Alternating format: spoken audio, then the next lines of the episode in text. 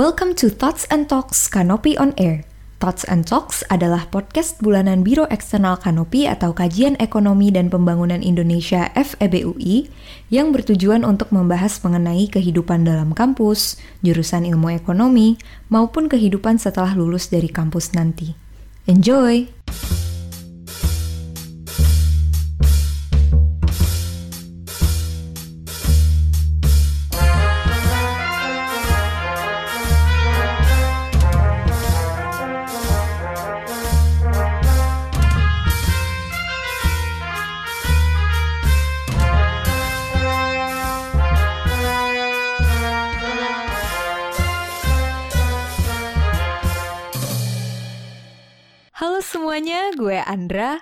Dari Thoughts and Talks Canopy on Air. Tema dari episode pertama ini adalah Unexpected Career and Skills for Tomorrow. Gue akan ngobrol banyak bareng Kak Naula Kamila atau yang biasa dipanggil Kak Naula, co-founder and CEO at Mengkapan yang juga merupakan alumni Ilmu Ekonomi FEB UI 2013. Oke, sekarang langsung aku sapa aja ya narasumber kita kali ini. Halo Kak Naula, gimana kabarnya Kak? Halo semuanya, Alhamdulillah kabarnya baik. Semoga semua yang ada di sini juga baik ya. Amin. Sekarang kesibukannya lagi apa Kak akhir-akhir ini? Wah, kesibukannya dari aku bangun sampai tutup mata masih make upan sih. Wah. Makasih banget ya kak. Sebelumnya aku mau bilang makasih banget karena kakak sudah mau meluangkan waktunya untuk hadir di Talks and Talks hari ini di tengah-tengah jadwal kesibukan kakak.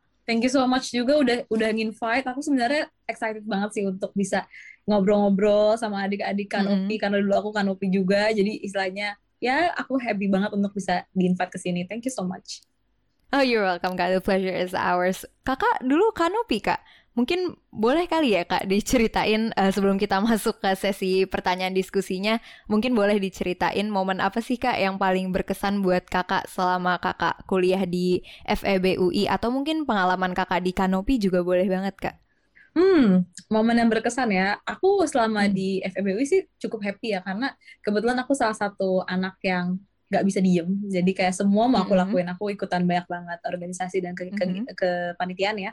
Jadi kayak misalnya salah satunya kanopi dulu aku di divisi keuangan terus kemudian aku juga pernah di uh, B, B, uh, BOE Badan Otonom Ekonomika. Saat itu aku di bagian PSDM jadi nggak terlalu yang agak nggak terlalu serius. Terus aku juga pernah ikut jeget aku pernah ikut event VOI ikut juga uh, pernah banyak sih banyak banget even wow. kayak ada kali aku pernah satu semester ikut 8 kegiatan at the same time tapi itu sama sekali bukan hal yang patut dicontoh ya karena aku keteteran saat itu bahkan IP aku jatuh di semester itu.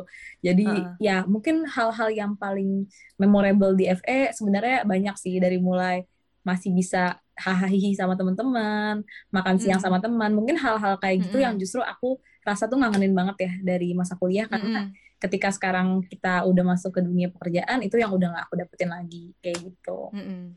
Betul. Wah, berarti kakak aktif banget ya kak kegiatannya sampai satu semester ikut 8 kegiatan. Ah itu, itu mah aktif salah sih, tuh. Itu salah.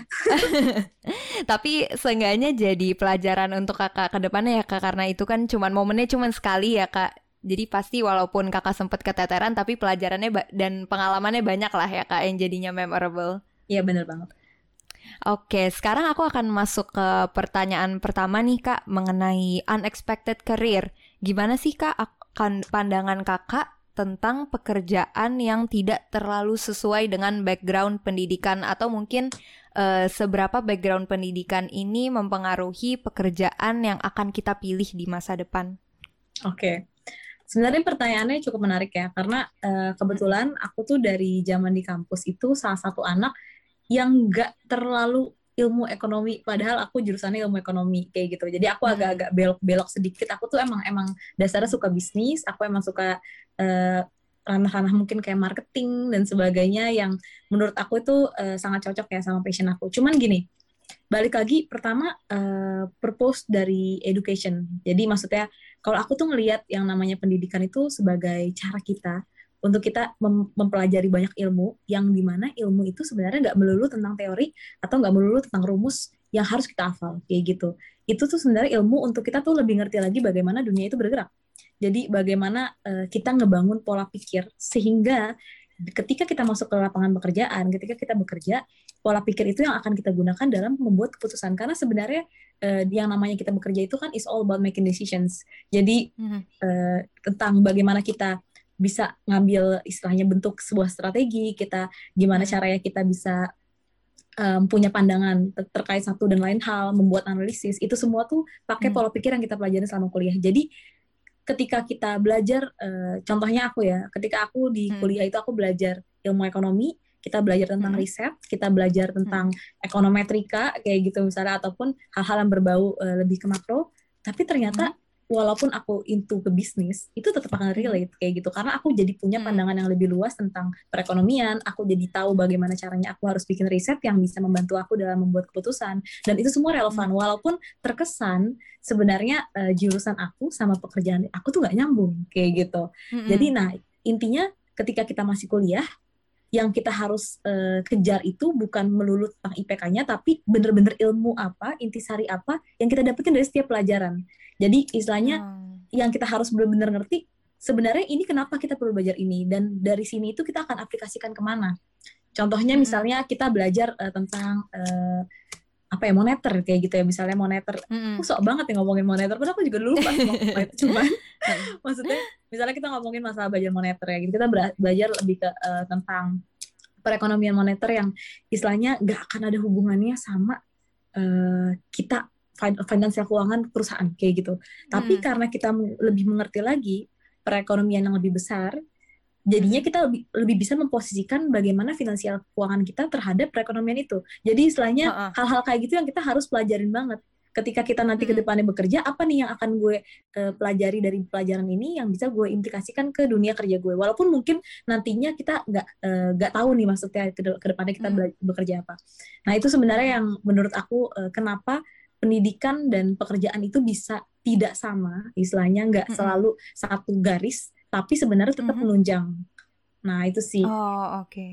Oke kak, ini insightful banget ya kak karena apalagi untuk aku, aku sendiri kan uh, termasuk mahasiswa, uh, aku mahasiswa yang baru masuk tahun lalu gitu ya kak, dan kelasnya online juga. Tapi aku setuju banget sama kakak di mana uh, sebenarnya mempelajari ilmu ekonomi ini walaupun uh, banyak rumus dan teorinya, tapi sebenarnya yang paling penting itu gimana cara ilmu-ilmu ini bisa menopang kita untuk akhirnya nanti di dunia pekerjaan tuh bikin decision Bener banget kak, bener banget. Nah kalau kakak sendiri ini, walaupun uh, kakak kan tadi sempat bilang kakak tuh nggak uh, terlalu IE banget gitu lah ya kak, dan kakak passionnya lebih ke bisnis dan marketing. Tapi kakak pernah nggak uh, sempat berpikiran untuk uh, bekerja yang skupnya itu masih di ilmu ekonomi gitu kak misalkan kayak akademisi, researcher atau mungkin dana data analis atau nggak pernah sama sekali kak? Oke, okay. sebenarnya pertama kali aku mungkin aku sedikit sharing ya kenapa akhirnya aku bisa kecemplung nih istilahnya di makeup mm, kayak mm. gitu. Boleh Dulu, boleh banget kak. Pas aku uh, di ah, jadi ceritanya aku masih tahun-tahun terakhir kuliah. Jadi mm -hmm. di semester 7 ke 8 kalau nggak salah itu ada kompetisi di mm -hmm. UI Uh, dan mm -hmm. itu kita bikin bisnis plan. Memang di situ mm -hmm. aku masih punya mindset, oh enggak nih abis lulus dari UI, aku bakal kerja mungkin di bank, mungkin di -hmm. kayak uh, pemerintahan-pemerintahan ataupun apa pun -hmm. yang memang menjadi jalurnya anak ilmu ekonomi. Jadi di situ mindset mm -hmm. aku masih itu. Cuman uh, setelah itu aku ikut competitionnya dan ternyata aku dapat peluang untuk akhirnya ngejalanin bisnis aku sendiri. Yang aku lihat itu bukan lagi, oh ya harusnya gue tuh kerja A loh. Tapi ke apakah gue bisa di kerja B padahal gue bilang enggak juga karena sebenarnya uh, ketika uh, ngebangun bisnis itu kayak ilmu yang tadi kamu sebutin ya maksudnya data hmm. analis hmm. dan sebagainya itu semua masih dipakai karena itu hmm. semua akan berguna ketika aku ngebangun bisnis karena itu tadi ya dalam setiap pembuatan keputusan pun kita harus berhubungan dengan data jadi istilahnya nggak bener-bener lus 100% tapi kalau ditanya sebenarnya punya punya kepikiran untuk kerja yang terkait ilmu ekonomi hmm. atau enggak pasti bahkan dari sisi orang tua aku maunya seperti hmm. itu karena kan kalian pasti paham juga yang namanya bangun bisnis itu penuh dengan resiko kita nggak ada istilahnya karir pet yang pasti yang bisa kita kejar hmm. nggak hmm. ada istilahnya gaji bulanan yang udah pasti ada pada tanpa hmm. uh, tanpa kita memantau banget itu performance dari hmm. perusahaan jadi stability-nya tuh nggak ada sebagai orang tua hmm. pasti mau anaknya stabil hidupnya dan akhirnya itu pun menjadi challenge bagi aku jadi ke, uh, kenapa akhirnya aku tetap bikin decision untuk move into ini karena gini ketika kita bekerja, uh, stepping stone yang pertama kali kita ambil itu akan sebenarnya menjadi penentu juga kita tuh mau ke mana arah, arahnya. Dan aku hmm. ngerasa uh, bekerja itu, let's say dalam dalam 24 jam kita bisa mengalokasikan hmm. 9 bahkan sampai 12 jam waktu kita itu untuk bekerja. Artinya sebenarnya yeah. hidup kita tuh terdominasi dengan kita bekerja. Jadi ketika hmm. aku melihat sebuah pekerjaan, aku melihat sesuatu yang aku suka. Yang aku ngerasa hmm. kalau di situ I want to give my best jadi bukan aku mm-hmm. kerja karena memang aku harus kerja, bukan aku kerja karena uh, tuntutan aku harus dapat gaji, tapi karena I want to do this kayak gitu. Dan mm-hmm. itu yang aku rasa menjadi motivasi bagi aku untuk ngambil jalur bikin bisnis karena aku suka beauty, aku suka entrepreneurship, aku mm-hmm. suka marketing, dan itu sesuatu yang bikin aku happy. Makanya selama aku bangun makeupan ini, aku nggak pernah ada momen-momen kayak istilahnya, duh kenapa sih kerjaan gue kayak gini atau aku ngerasa kayak aku nggak happy, aku ngerasa bekerja itu suatu hal yang tidak menyenangkan, itu jarang banget aku rasain. Tapi pasti mm-hmm. ada, pasti ada demotivasi mm-hmm. demotivasinya, cuman itu jarang. Mm-hmm. Justru aku setiap pagi kerja tuh aku semangat, aku seneng, dan itu yang bikin aku berjuang sampai sekarang. Istilahnya dengan segala permasalahan yang mungkin ada ketika kita ngebangun bisnis, mm-hmm. itu menjadi motivasi dan kekuatan aku karena aku seneng ngelakuinnya. Mm-hmm. Dan itu terjadi bukan cuma di aku, tapi di semua tim member aku yang akhirnya berkecimpung di dunia startup ini. Mereka ngejalanin ini bukan hanya untuk sekadar kerja tapi memang karena mereka senang mereka punya goal di sini dan itu yang jadi kekuatan buat kita nah itu sih makanya uh, ketika kita memilih pekerjaan itu jangan hmm. mengikuti pasar istilahnya jangan mengikuti tuntutan orang-orang di sekitar kita tapi reflect on yourself ngelihat sebenarnya potensi dari diri kamu yang kamu senangi, yang kamu confident itu apa. Mm-hmm. Dan di situ makanya mm-hmm. kamu bisa bakal bisa memberikan yang terbaik dibandingkan istilahnya kamu hanya ngikut path yang seharusnya menurut mm-hmm. orang-orang sekitar, tapi kamu nggak ikhlas ngejalaninnya, akhirnya kamu stuck kayak gitu. Itu kalau mm-hmm. pandangan pribadi aku. Oh oke okay, kak. Wow kak, dalam beberapa menit aja kayaknya tadi kalau bisa aku note banyak banget sih kak hal yang perlu aku catat ya kak. Berarti uh, makeupan ini awalnya uh, ada karena uh, bis, uh, competition di UI ya kak, Kom bisnis uh, competition bisnis di UI ya kak. Iya, aku dulu ikut. Dan kakak, uh, UISP dan kakak. Oh UISP dan kakak berarti awalnya nggak ada nggak langsung dari awal tuh rencana mau jadi businesswoman atau semacamnya tapi kakak kebetulan ada kesempatan untuk ikut kompetisi dan ternyata kakak sadar kalau kakak menyukai bidang dan pekerjaan tersebut akhirnya kakak tekunin aja ya kurang lebih gitu tapi sebenarnya hmm. aku memang udah punya mimpi di dunia beauty itu dari aku sekolah karena oh, istilahnya aku okay. memang suka tapi aku nggak pernah kepikiran bahwa aku akan 100% langsung oh, dari okay. setelah aku kuliah aku tuh masih punya mimpinya kayak oh iya aku pengen kerja dulu ngumpulin duit terus aku pengen bikin beauty center itu yang aku sebenarnya oh. pikirin pas zaman sekolah ya tapi ternyata it's uh, coming earlier the, the opportunity mm -hmm. datang lebih cepat daripada yang aku kira ya dan uh -uh. I decided untuk ambil jalur itu kayak gitu. Oke, okay, keren banget sih Kak dan aku juga bisa lihat eh, seberapa dari Kakak ngomong juga aku bisa lihat seberapa Kakak dedicated banget to your job Kak. Keren banget, keren banget. Oke. Okay. Sebelum kita lanjut ke discussion kita selanjutnya nih Kak, kita sekarang bakal main games dulu namanya This or That mungkin kakak udah pernah denger ya tentang game ini sebelumnya karena cara mainnya cukup simple.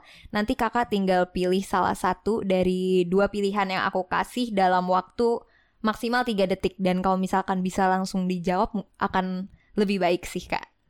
Oke. Okay. Kalau misalkan ada pertanyaan yang kurang jelas juga bisa ditanyakan balik ke aku ya kak. Oke. Okay. Udah siap kak? Coba ya. Oke, kita siap-siapin. Oke, okay. okay, this or that. Pertanyaan pertama, safe player atau risk taker? Safe player. Safe player, oke. Okay. Pertanyaan kedua, salary oriented atau work environment oriented? Work environment oriented. Oke, mungkin itu boleh diceritain tuh kak karena uh, ini kan sifatnya opini ya kak. Semua uh, masing-masing orang punya opininya sendiri antara milih salary oriented atau work environment oriented. Nah kalau kakak sendiri uh, kenapa kak pilih work environment oriented? Karena gini ya, um, aku tuh tipe orang yang sangat melihat impact dari apa yang aku kerjain. Jadi istilahnya hmm. bukan melulu tentang gaji kayak gitu. Jadi um, aku hmm. lebih ngelihat kayak kalau misalnya gue mengerjakan suatu hal yang gue bisa hmm. dapetin di luar dari gaji itu apa aja yang gue gue bisa hmm. create di luar dari gaji itu apa aja itu yang selalu aku terapin di diri hmm. aku dan menurut aku gaji itu akan mengikuti ketika kita di work environment yang baik kita bisa mm-hmm. giving our best dan kita bisa uh, istilahnya show what we have mm-hmm. akhirnya kita bisa step up the game dan kita mm-hmm. bisa kejar karir yang kita pengen, impact yang kita pengen.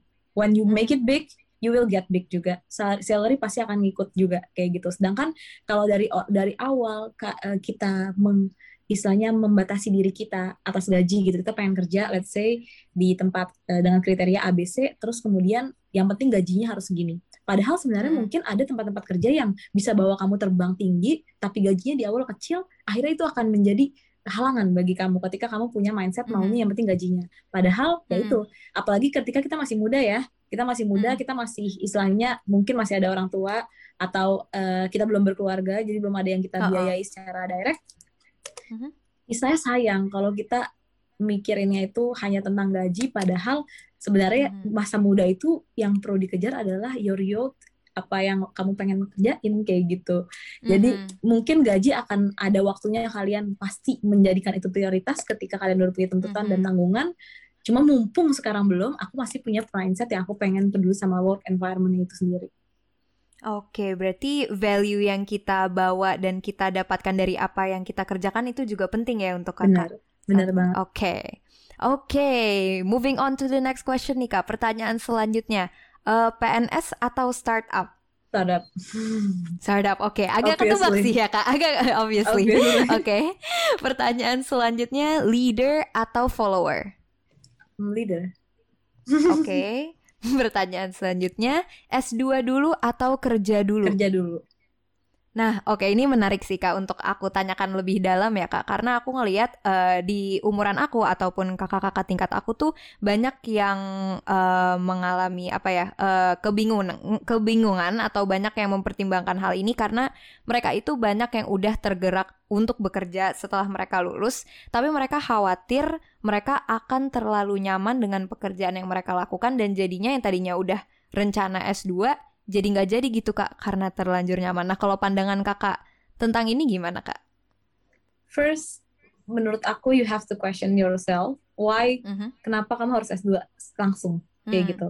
What is your goals? Mm. Karena setiap orang tuh punya goals yang berbeda. Ada yang pengen S2 karena mereka udah tahu karir yang mereka pengen itu harus S2 dulu karena ilmunya nggak cukup oh, dia satu. Mm -mm. Ada orang yang S2 karena mereka pengen kuliah di luar negeri. Jadi maksudnya bukan oh, iya. bukan karena bukan karena uh, ilmunya tapi mungkin mereka pengen mm -hmm. banget ngerasain kuliah di luar. Ada yang kayak gitu. Ada juga yang mereka S2 itu udah clear karena mereka bekerja A terus kemudian uh, dan mereka ngerasa untuk mereka bisa step up the game mereka harus S2 kayak gitu.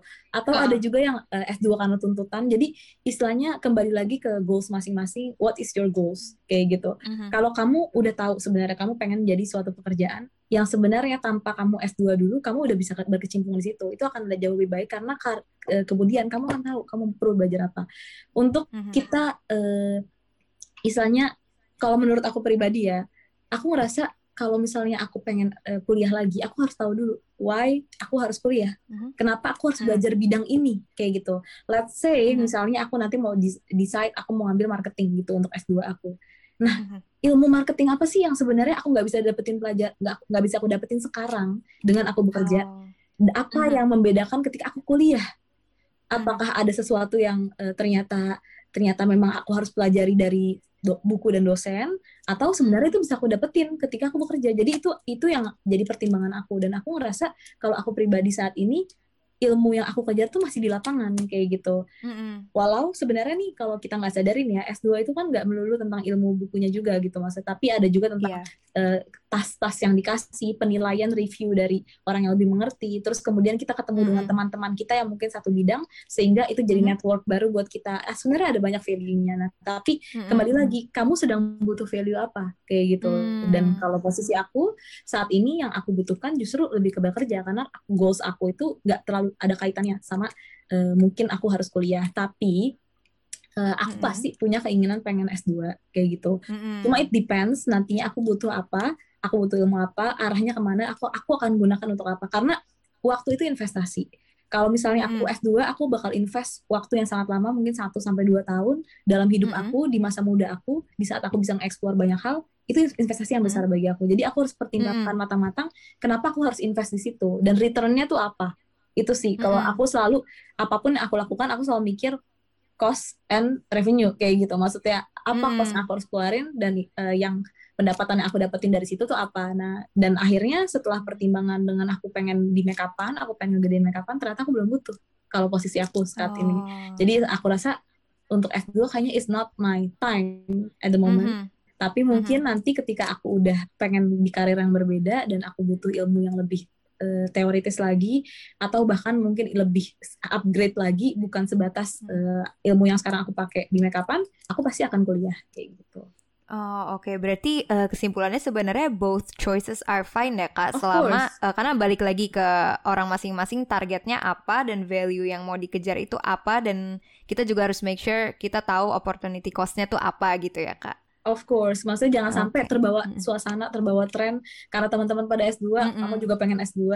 Nah, itu mm -hmm. yang ha harus hati-hati ya. Maksudnya godaan-godaan di luar yang sebenarnya mungkin nggak terkait sama diri, itu yang mm -hmm. harus di pantau lagi kayak gitu. Oh iya itu penting banget sih hmm. untuk di note kak. Mm -mm. Karena jangan, kita juga harus fokus sama jalan sendiri lah ya kak istilahnya. Bener, jangan sampai keputusan kita itu hanya keputusan sesaat dan akhirnya kita ngelewatin opportunity yang mungkin lebih besar di depan mata kita.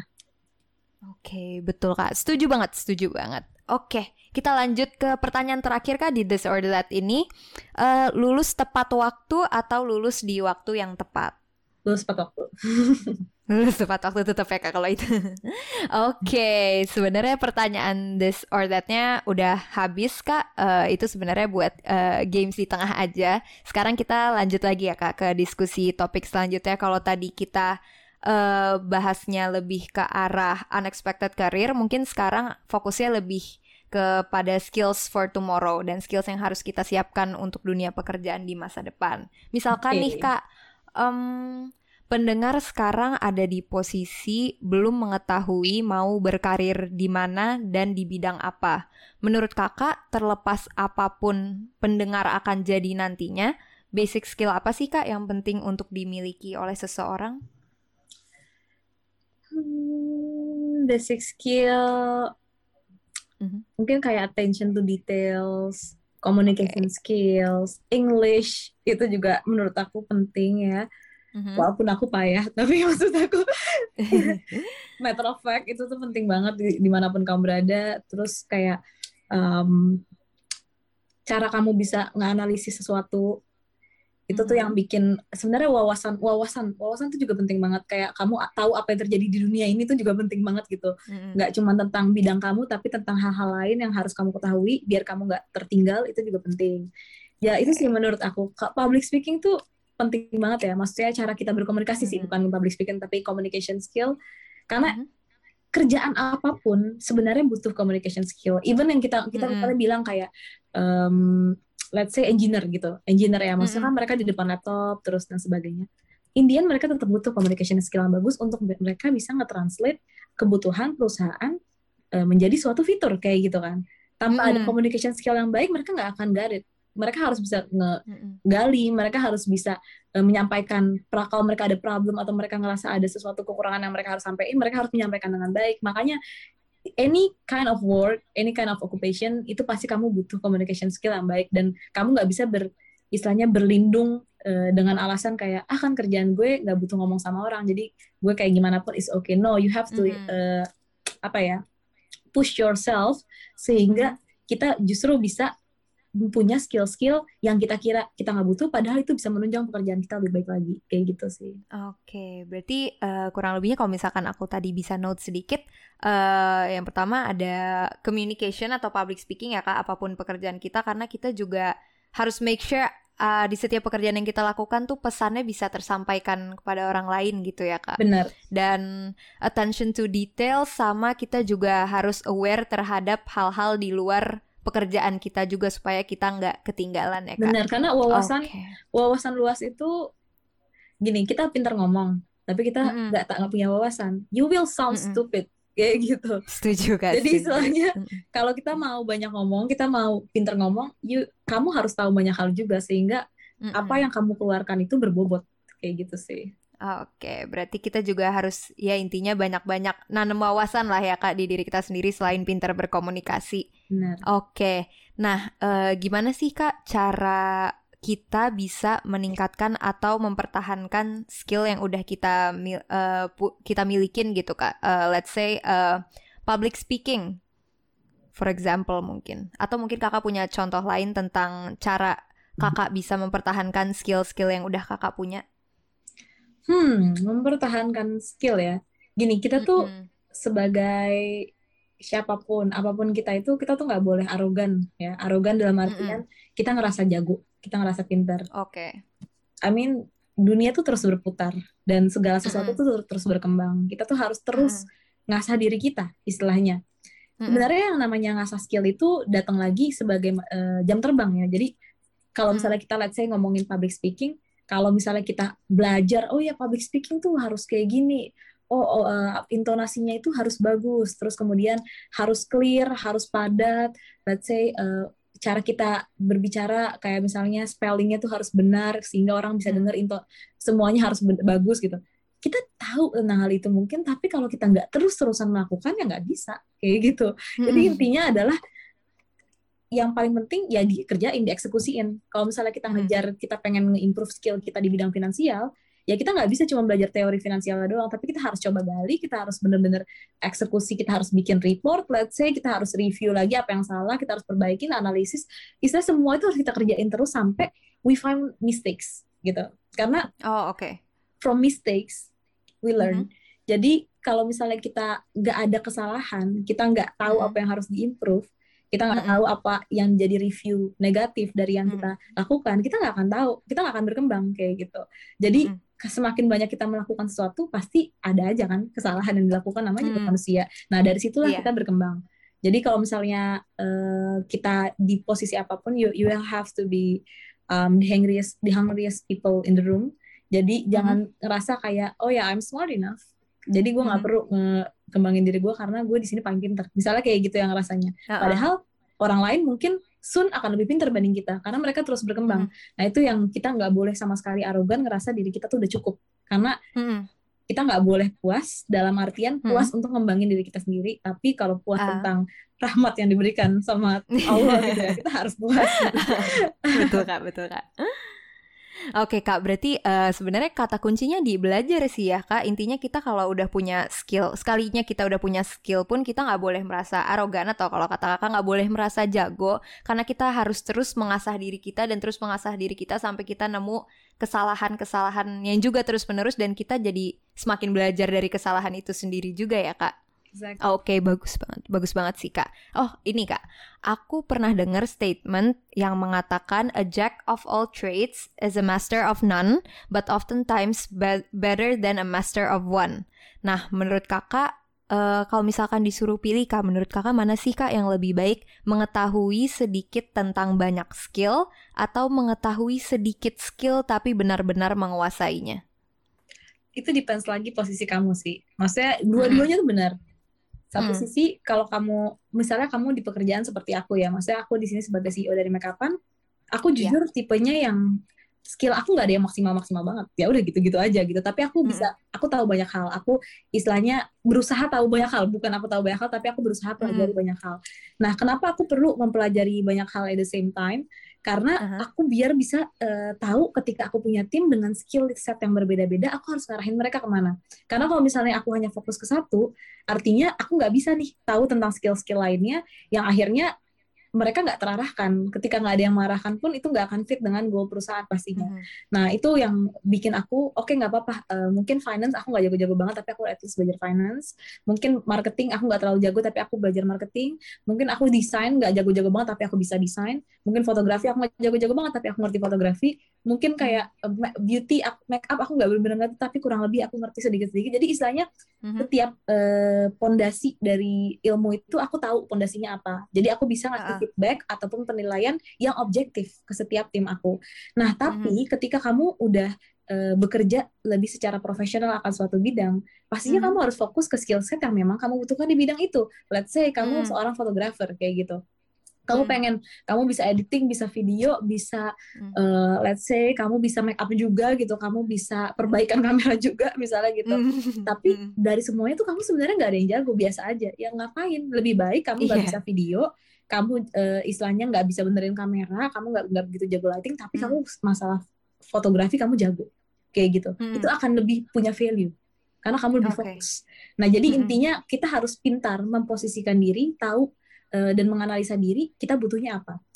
Jadi kalau aku selalu bilang sama orang lain, maksudnya menurut aku pribadi bahkan bilang sama diri aku sendiri, um, you have to know yourself.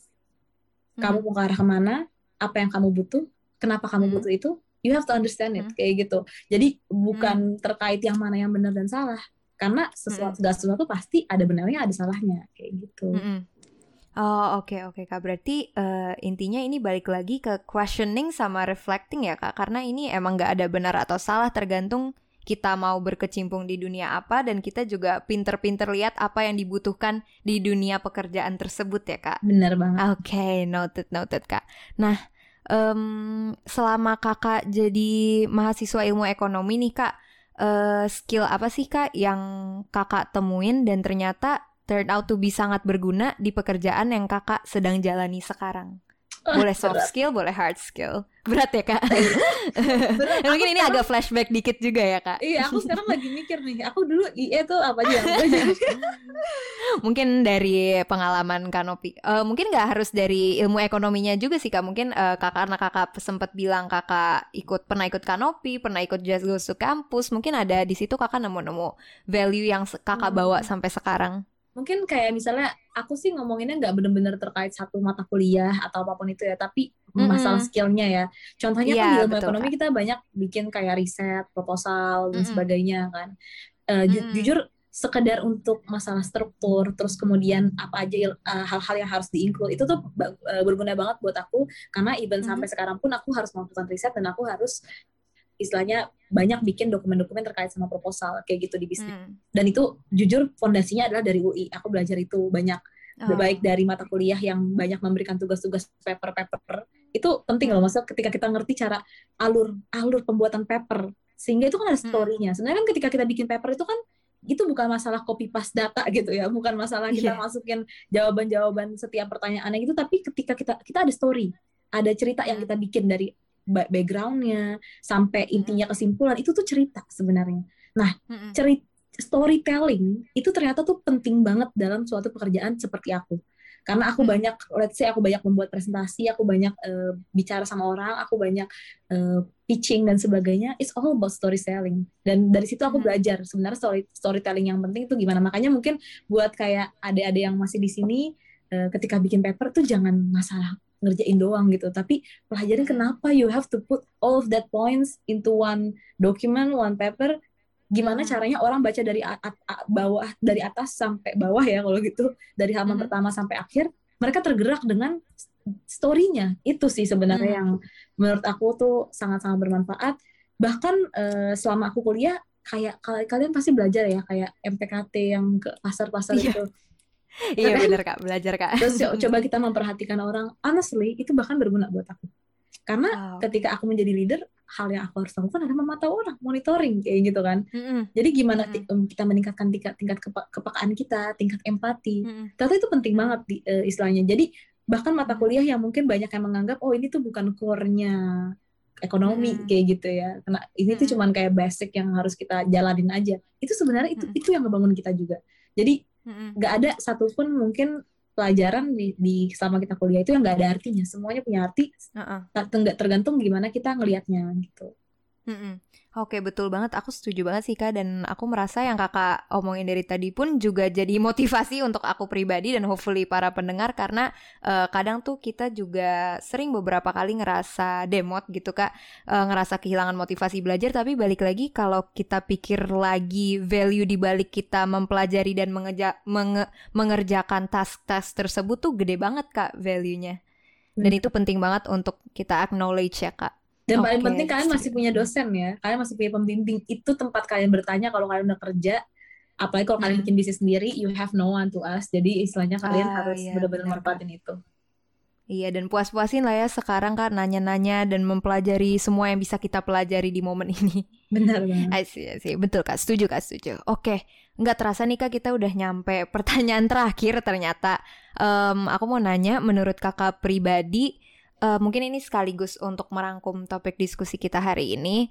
Uh, hal apa sih kak yang paling penting untuk kita menentukan mau berkarir di mana dan di bidang apa? Is it happiness, passion, atau gengsi? Mungkin kakak juga bisa share tips and trick untuk mahasiswa ilmu ekonomi dan teman-teman pendengar lainnya dalam memilih karir.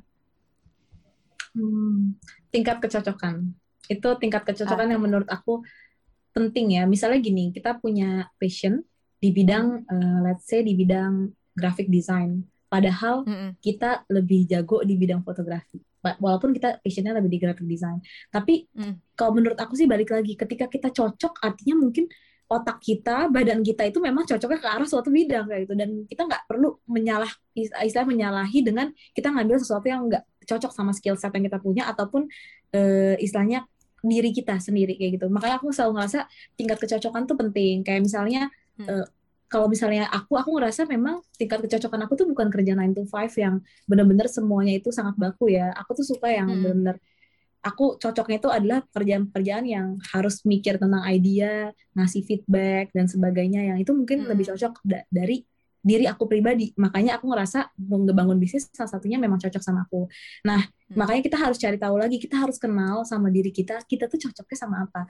Tapi hmm masalah kayak passion itu sebenarnya juga penting karena passion itu yang bikin kita uh, betah kayak gitu yang bikin kita hmm. mengeluh lebih sedikit, yang bikin kita pengen berusaha lebih banyak. Itu sebenarnya passion, tapi nggak semua orang punya kesempatan buat kerja sesuai sesuai sama passionnya. Mungkin aja hmm. passionnya memang nggak sesuai sama dia, atau opportunity di lapangan nggak ada yang sesuai sama passionnya. Hmm. Dan kita nggak bisa maksain kayak gitu. Kalau kita memang melihat yang namanya opportunity itu adanya yang berbeda dengan passion kita, ya kita ambil dulu hmm. opportunity ya karena opportunity nggak pernah datang dua kali. Jadi kita harus pinter-pinter ngelihat opportunity paling besar untuk kita bisa hmm. berkembang hmm. itu yang mana kayak gitu. Hmm. Dan kalau misalnya memang itu bukan sesuatu yang kita cintai banget, cobalah belajar untuk mencintainya kayak gitu. Maksudnya untuk lihat positifnya. Apa sih positifnya gue bekerja di sini? Apa sih yang gue bisa bangun di sini? Kayak gitu. Apa sih yang impact yang positif yang gue bisa bawa ke sini walaupun ini bukan hmm. passion gue. Atau bahkan gue mungkin bisa menyelipkan sedikit passion gue di sini. Ya dengan cara hmm. ABCD kayak gitu. Nah itu yang mindset yang harus kita punya. Eh, jadi bukan mindset mengeluh yang oh ya ini tuh kerjaannya memang emang bukan passion gue. Jadi gue di sini kerja ya udahlah gini-gini aja. Soalnya ini bukan passion gue. Hmm. itu yang aku paling nggak senang dengar dari orang. Karena you do you have your own decision. This is the, your opportunity. You have to make uh, do at uh, give your best kayak gitu mm. bukan masalah passion atau enggak tapi kalau misalnya opportunity yang lo punya aja lo nggak manfaatin dengan baik nggak ada yang mm. tahu even yang sesuai sama passion lo mungkin lo nggak manfaatin dengan baik kayak gitu jadi try to do your best dan yang paling mm -hmm. penting adalah tingkat kecocokan opportunity dan kembali lagi kemauan kita juga ke mana harus ikhlas belajar mm -hmm. ikhlas untuk mengerjakan apa pun itu kalau kita ikhlas pasti bisa maksimal hasilnya kayak gitu Oke, wow, itu insightful banget sih kak. Karena aku merasa, uh, ya tingkat kecocokan itu penting, bener, bener yang tadi kakak bilang. Tapi mungkin ada beberapa orang yang kebetulan dia nggak punya kesempatan untuk bekerja yang sesuai dengan passion dia. Tapi penting untuk kita bisa belajar mencintai uh, opportunity yang kita punya dan lebih fokus kepada apa ya apa yang bisa kita buat dan impact apa yang kita bisa berikan di bidang tersebut gitu dan Benar. penting juga tadi aku sempet note juga yang kakak bilang kita juga masih bisa kok nyelipin uh, passion kita di bidang yang mungkin sebenarnya kaitannya nggak terlalu besar dengan passion kita ya itu tinggal pokoknya itu semua pinter-pinter kita uh, masalah mindset lah ya kak masalah mindset aja daripada kita fokus ngeluh dan segala macam mending kita uh, pinter-pinter nyelipin apa apa yang bisa kita berikan aja lah ya kak benar dan kita harus ingat ya kita tuh kan umur mm. maksudnya paling kuliah kan selesai di umur 20 tahun kayak gitu ya. Mm -hmm. Your your life is still so long gitu maksudnya. Mm -hmm. Ketika mungkin uh, tahapan pertama itu nggak sesuai sama passion, kita punya mm-hmm. kesempatan banyak banget untuk ngejar passion kita di lain waktu ketika kita udah bangun mm-hmm. fondasi yang mungkin lebih kuat di awal dengan okay. kesempatan yang kita punya. Jadi jangan berpikiran sempit, berpikir lebih panjang karena you have so many uh, opportunity di ke depannya yang bisa kita gali terus kayak gitu. Oke okay, betul. Oh my god, terima kasih banyak loh kak Naula atas waktunya hari ini dan sharingnya yang sangat sangat insightful sebenarnya untuk aku pribadi dan hopefully para pendengar juga karena uh, dari kurang lebihnya berapa nih hampir 40 menit kita ngobrol aja jujur aku udah dapet banyak banget sih kak. Thank you so much juga loh. Semoga beneran bermanfaat. Sangat bermanfaat sih kak. Semoga kakak selalu terjaga kesehatannya dan semakin sukses ya kak berkarirnya. Terima kasih juga. Semoga kamu juga sukses. Kanopi sukses. Semuanya yang ada di sini sukses. Amin. Amin. Dan untuk teman-teman pendengar, sampai kita bertemu di Thoughts and Talks Kanopi on Air selanjutnya ya. dadah. Dadah.